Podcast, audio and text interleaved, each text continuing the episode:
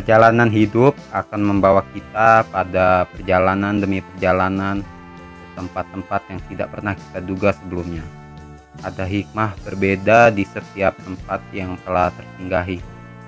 Hikmah akan sebuah kebijakan alam yang mendewasakan satu perjalanan adalah satu pelajaran baru. Satu perjalanan adalah satu jejak langkah perbaikan diri. Satu perjalanan adalah satu pernik mutiara berharga. Melakukan perjalanan demi perjalanan adalah menyatukan dan menyusun tiap pernik mutiara berharga. Untuk menjadi sebuah mahkota hati, pemahaman akan inti sebuah hidup dan kehidupan. Halo pendengar, apa makna sebuah perjalanan untuk kalian? Bertemu lagi di podcast Aspera bersama saya Yusuf. Di sini kita akan memaknai sebuah perjalanan. Kenapa manusia cepat menolak segala hal yang tak mengenakan dirinya? Dan atas alasan apa harus ditolak? Mengapa pula ia mudah menerima apa pun yang menenteramkan jiwanya? Lalu, berdasar pertimbangan apa?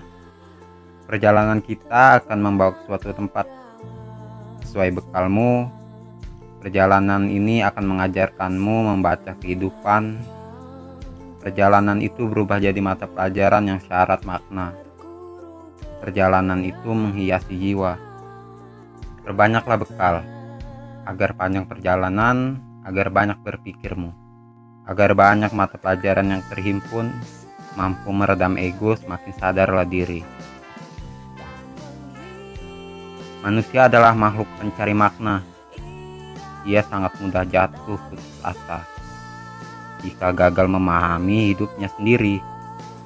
Ia merasa takjub dengan keberadaannya di semesta ini dan teramat ingin mengetahui alasannya. Ia mudah terguncang oleh bencana alam, kekejaman sesamanya, dan sadar secara penuh akan kelemahan fisik dan kejiwaannya. Ia sulit menanggungkan masa depan kepunahannya yang nyaris tak terelakkan, di mana sejatinya hidup diletakkan Tuhan Pertanyaan itu perlu kita jawab sebagai makhluk sempurna puncak penciptanya. Jika berhasil menemukan jawabnya, niscaya tak satu pun kita berani mengikrar. Mereka menggali dan mengolah sebentuk pengetahuan yang teramat sulit dimengerti. Hidup yang sejatinya irasional ini harus didekati dengan sebuah pola. Jika Anda berani bertindak irasional, alam semesta akan membalas Anda dengan kekuatan yang sama irasionalnya.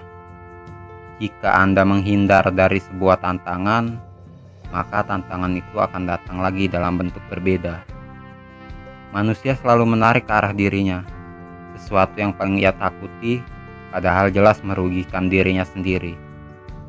Kita bisa sampai pada hari ini semata karena mau melakoni berlelah-lelah, bersusah payah, tunggang langgang, bertungkus lumus lantaran bukan hanya suka yang mau kita terima, melainkan juga duka. Sebuah perjalanan mungkin sama dengan selalu menyisipkan pengetahuan dan pelajaran dalam setiap tulisan. Bagaimanapun, setiap tulisan harus mempunyai makna. Yang membuat sebuah tulisan menjadi bernilai adalah tentang makna yang terkandung di dalamnya. Mungkin banyak tulisan yang enak untuk dibaca, tapi tidak semua mempunyai makna dalam keberadaannya.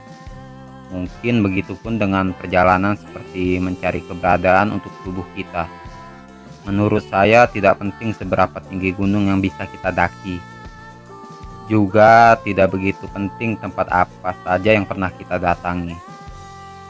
Yang lebih penting adalah bagaimana kita memahami makna dari setiap perjalanan kita harus lebih peka dalam memahami alam dan membaca kehidupan.